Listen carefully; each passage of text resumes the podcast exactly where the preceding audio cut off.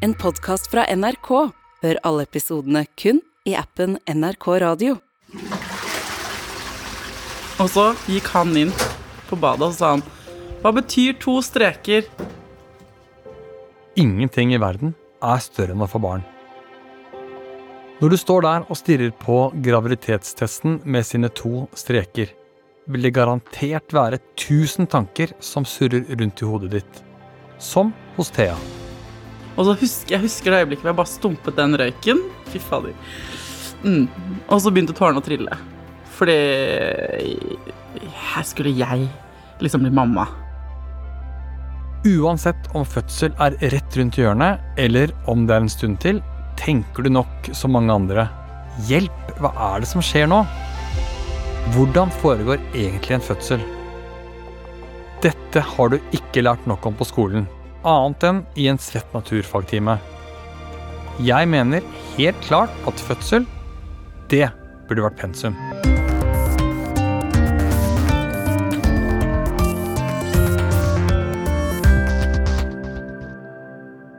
Mitt navn er Torbjørn Broksten, og jeg jobber til daglig som fødselslege ved Norges største fødeavdeling på Ullevål sykehus.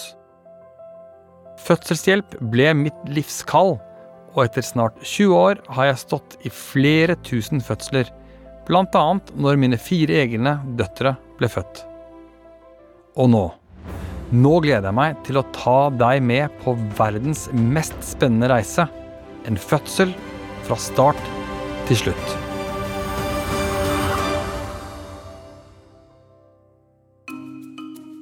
Det har gått ca. åtte måneder siden de to strekene på graviditetstesten.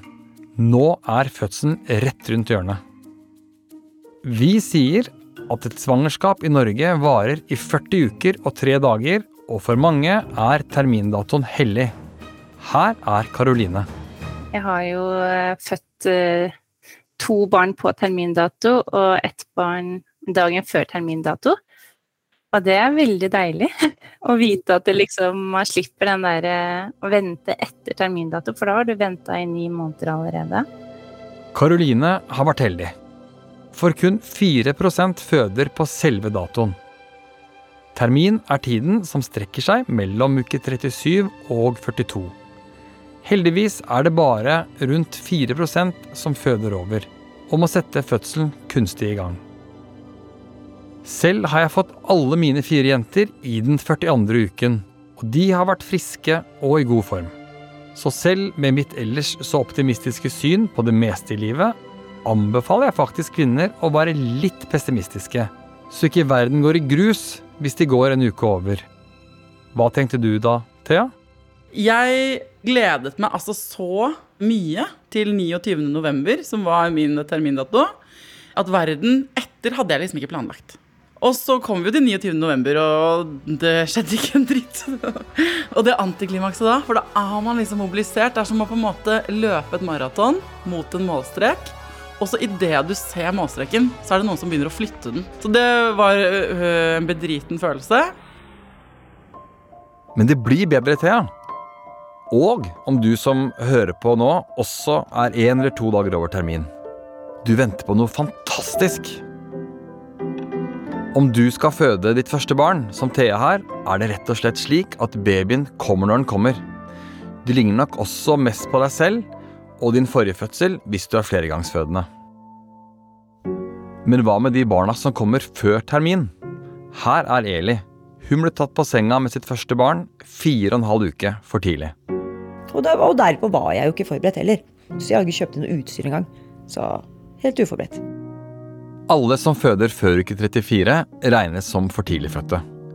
Hvorfor fødes noen for tidlig? Hva starter en fødsel?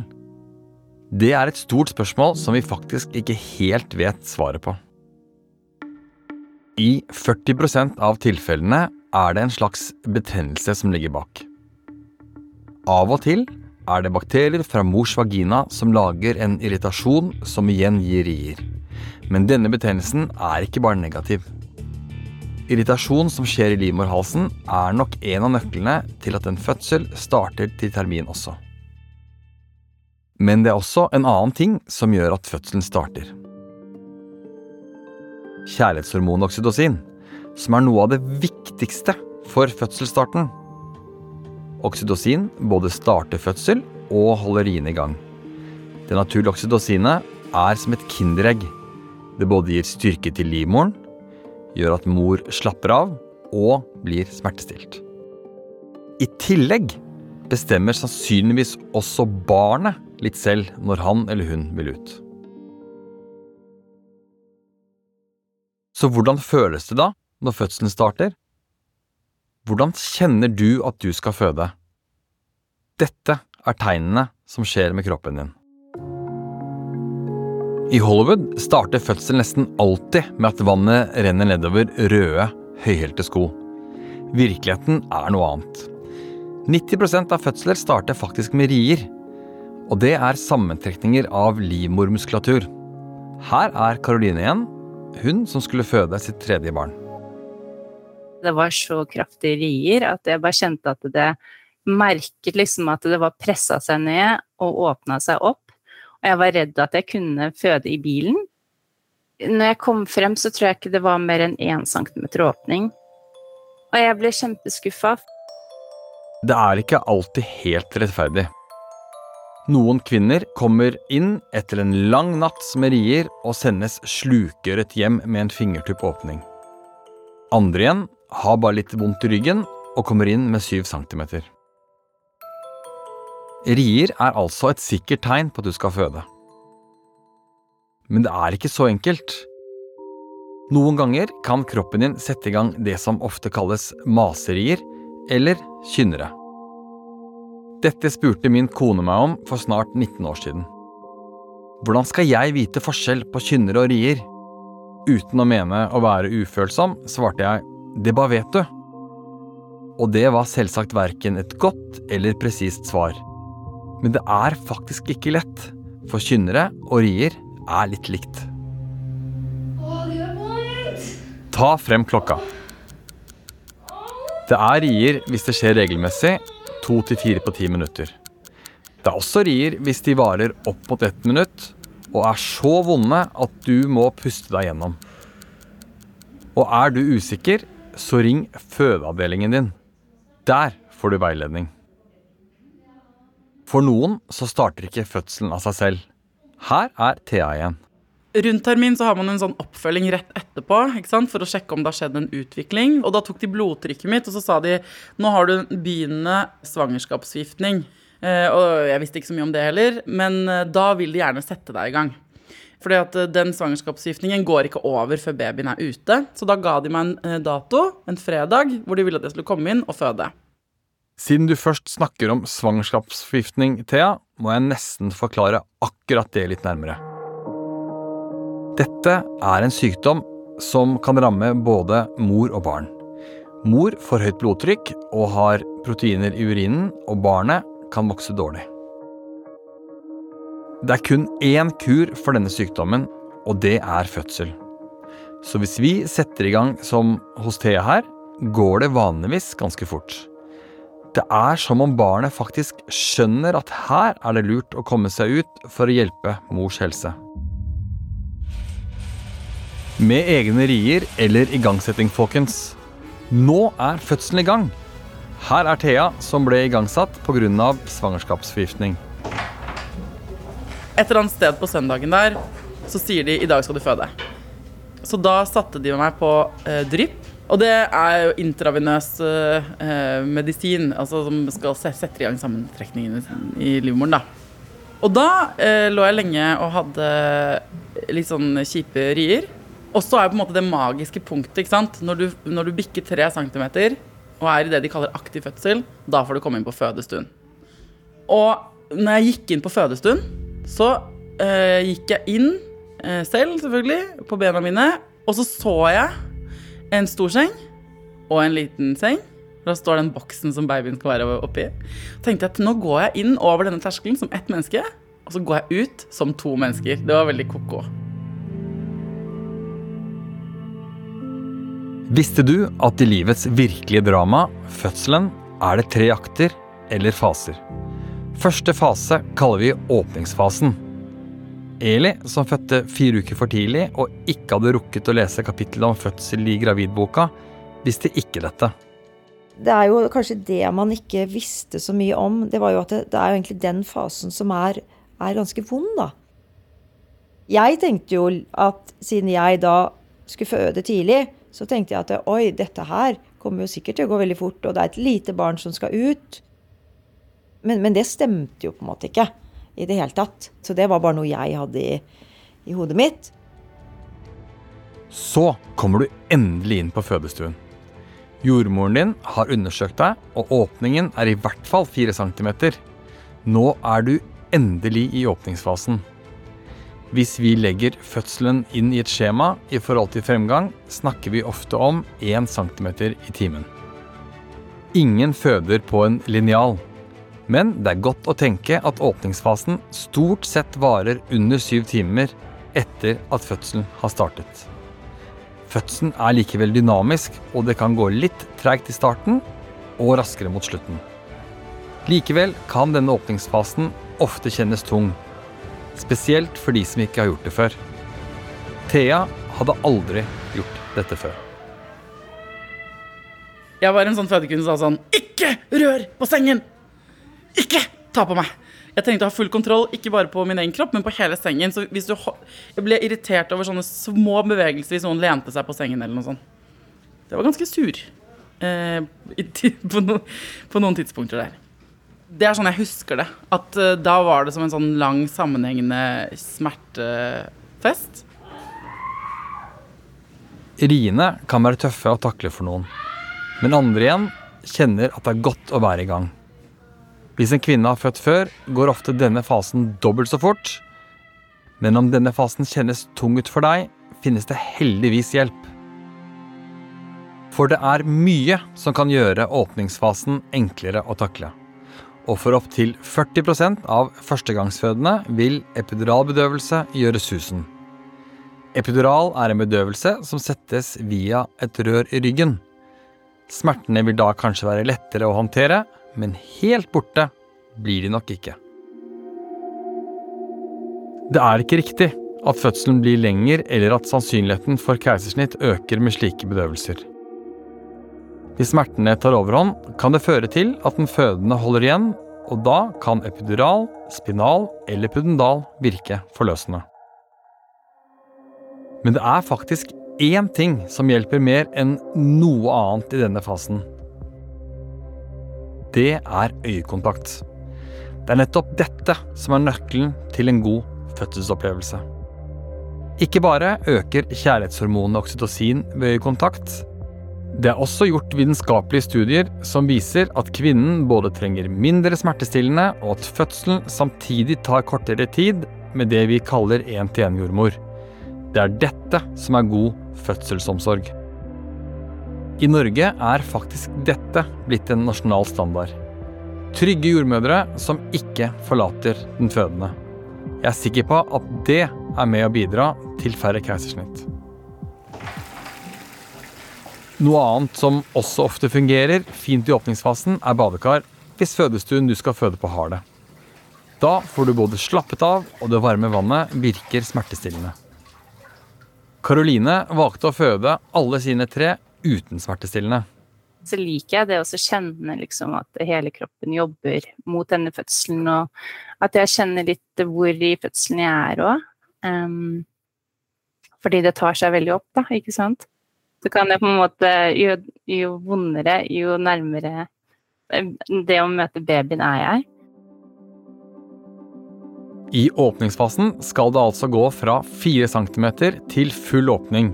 Men ikke nok med det. Barnet skal altså skru seg gjennom bekkenet. Fra den såkalte bekkeninngangen til vi ser hårtuster rett før trykking. Prøv å ta på deg en stram ullgenser over ansiktet. Det funker ikke. Uten å tenke over det legger du haken på brystet og lar genseren gli over bakhodet. Akkurat som babyen gjør det på vei ut. Som dere nå sikkert skjønner, kan det skje at babyen ikke gjør de riktige hodebevegelsene gjennom bekkenreisen. Da kan jordmor hjelpe til med å bevege kroppen og bekkenet til mor, og av og til vil riestykende drypp hjelpe. Stopper det helt opp, kan det hende at vi må ty til nødutgangen gjennom et keisersnitt. Så hvordan går det med Thea, da? På et tidspunkt, langt utpå natta der, så måtte jeg skikkelig på do. Så jeg sier eh, til eh, jordmor da, og sånn, jeg må gå på do. Og så sier de ja, må du det? Og så sier jeg eh, ja, ja, ja, men det, jeg må på do. Altså, jeg må ikke tisse, liksom. Jeg må bæsje. Og eh, de bare ja vel, da får vi hjelpe deg på beina. Så jeg reiser meg opp og liksom inn på doen. Og setter meg på do. Og det kommer ingenting.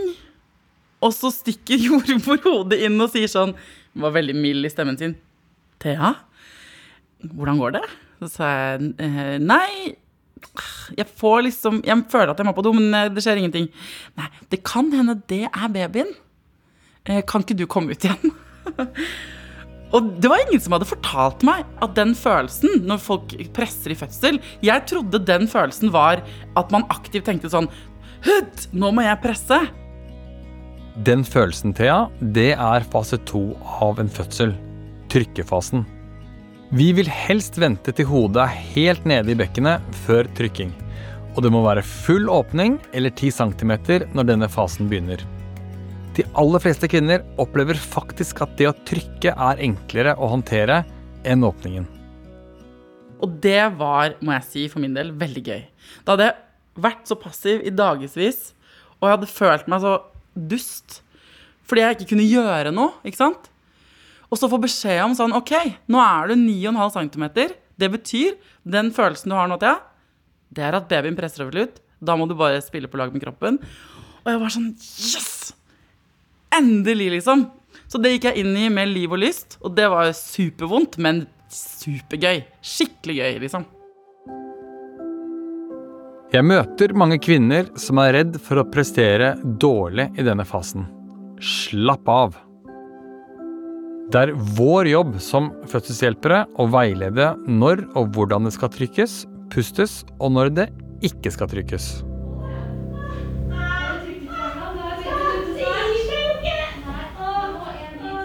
Noen ganger holder det ikke med kvinnens trykkejobb alene. Av og til trenger hun og babyen rett og slett hjelp. Da kommer en som meg, en fødselslege.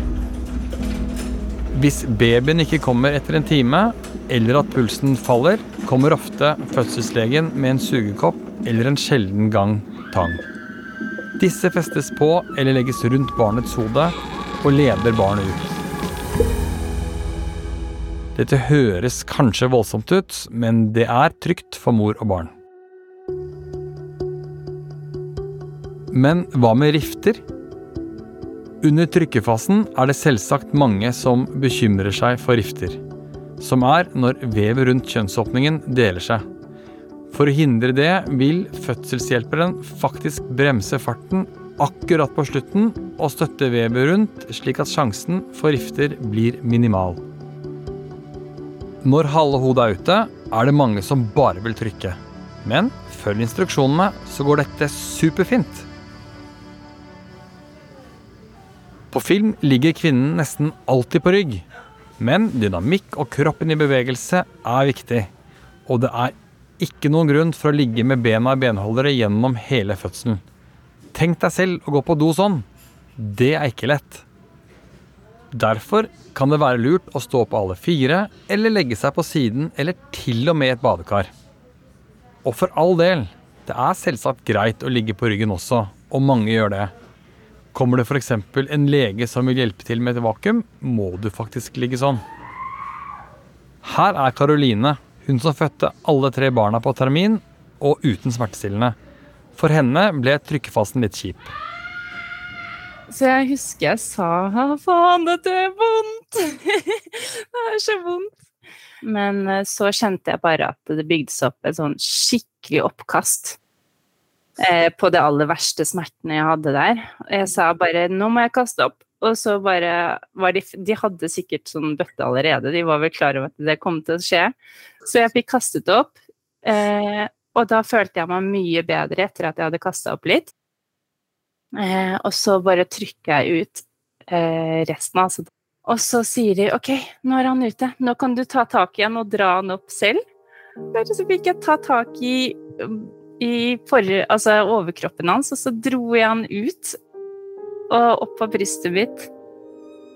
Og så bare sier ikke babyen noen ting. Og det tar sekunder etter sekunder, og det Han var bare blå og rød. Og vi visste ikke hva vi skulle gjøre. Vi bare OK, hva, hvorfor sier han ikke noe? Og så tok det faktisk bortimot to minutter før han begynte også å si noe.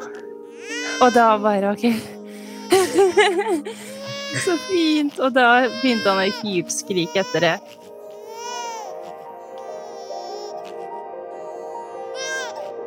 Når barnet kommer, er det stort sett perfekt.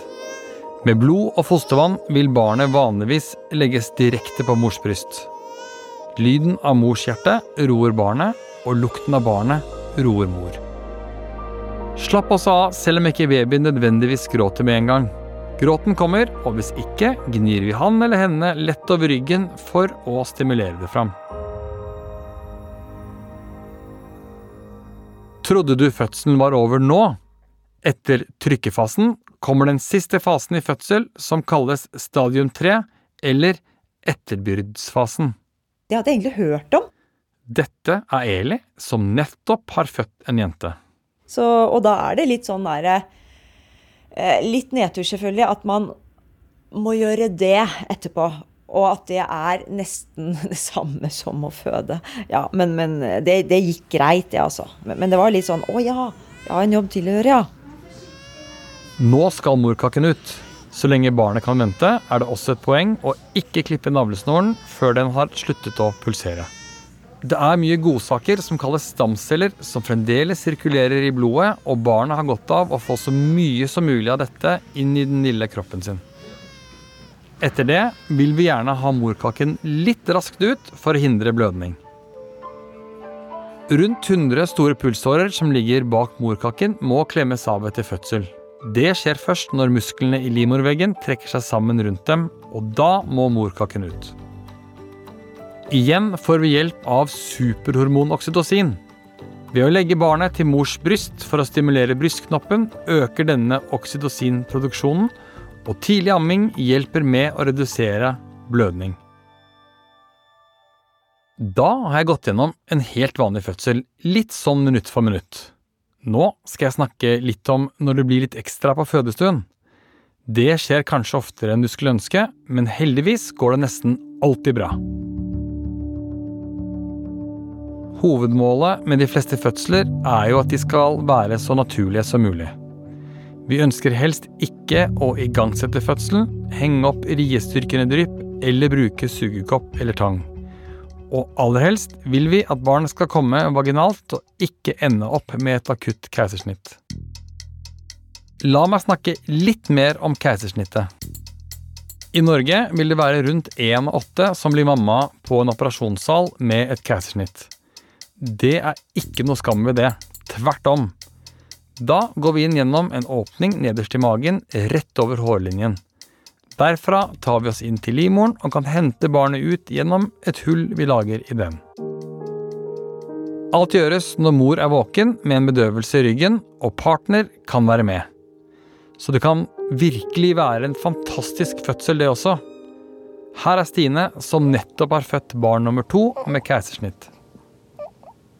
Ja, nå har det kommet en liten jente på 3,1 kilo som kom i dag klokken halv tolv.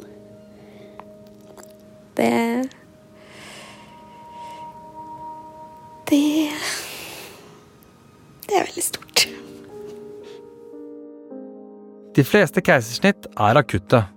Enten er det fordi fødselen har stoppet opp, eller hvis barnet ikke tåler rier, og da er det jo fantastisk at vi løser det med en operasjon. Så keisersnitt er med på å redde liv. Heldigvis er det veldig få, rundt 1% av keisersnittene, som haster så mye at mor blir kjørt på to hjul i svingene og får narkose. De aller fleste skjer innen en times tid med mor våken. En tredjedel av keisersnittene er planlagt. Noen veldig få kvinner opplever det som deres rett til å kunne bestemme at det skal bli keisersnitt, men i realiteten er det fødselslegen som tar avgjørelsen. Noen ganger, hvis morkaken ligger over livmorhalsen, har vi ikke noe valg. Keisersnitt kan også være en god løsning hvis f.eks. For forrige fødsel var traumatisk, eller hvis tidligere opplevelser i livet, som overgrep, skaper vanskelige tanker. Finner vi ingen gode løsninger med fødsel vanlig vei, blir det keisersnitt. Det viktigste for meg når jeg veileder kvinnene, er at fødselen skal føles trygg for kvinnen, partneren og ikke minst barnet. For det er dette det dreier seg om. For deg som skal føde, eller for deg som tenker at du skal gjøre det en dag, eller for deg som skal stå ved siden av en som føder. Trygghet. Trygghet hjelper oksytocinet til å flyte fritt. Det bringer fødselen videre og er med på å gjøre opplevelsen god. Ingen skal prestere noe på fødestuen, annet enn oss som er utdannet fødselshjelpere. Vår viktigste prestasjon er at mor og barn er friske med en god fødselsopplevelse. Jeg heter Torbjørn Bruksten og er fødselslege. Og jeg vil at du skal huske disse tre tingene fra denne episoden. 1. Kroppen styrer selv prosessen under fødsel. 2. Det er ingen oppskrift på en perfekt fødsel, men fødselshjelperen hjelper deg med å finne den beste løsningen. 3. Kvinner i Norge er heldige. Det er ingen i verden som har så god fødselsomsorg som oss. Nå føler du deg forhåpentligvis tryggere, slik at du kan slette ordet 'hjelp' fra podkasttittelen og heller si 'yes, jeg skal føde'. Har du lyst til å høre andre ting som burde vært pensum? Jeg kan anbefale episoden om hva som skjer med kroppen din når du dør, laget av patolog Line Aas Sandnes. Burde vært pensum hører du i appen NRK Radio. Burde vært pensum er laget av Lyder Produksjoner for NRK. Produsent Henriette Aurtande. Eksekutiv produsent Christian Marstrander. Musikken er laget av Halvard Hagen og Jens Petter Nilsen. Lyddesign ved Sondre Myrhol. Og ansvarlig redaktør fra NRK, Ole Jan Larsen.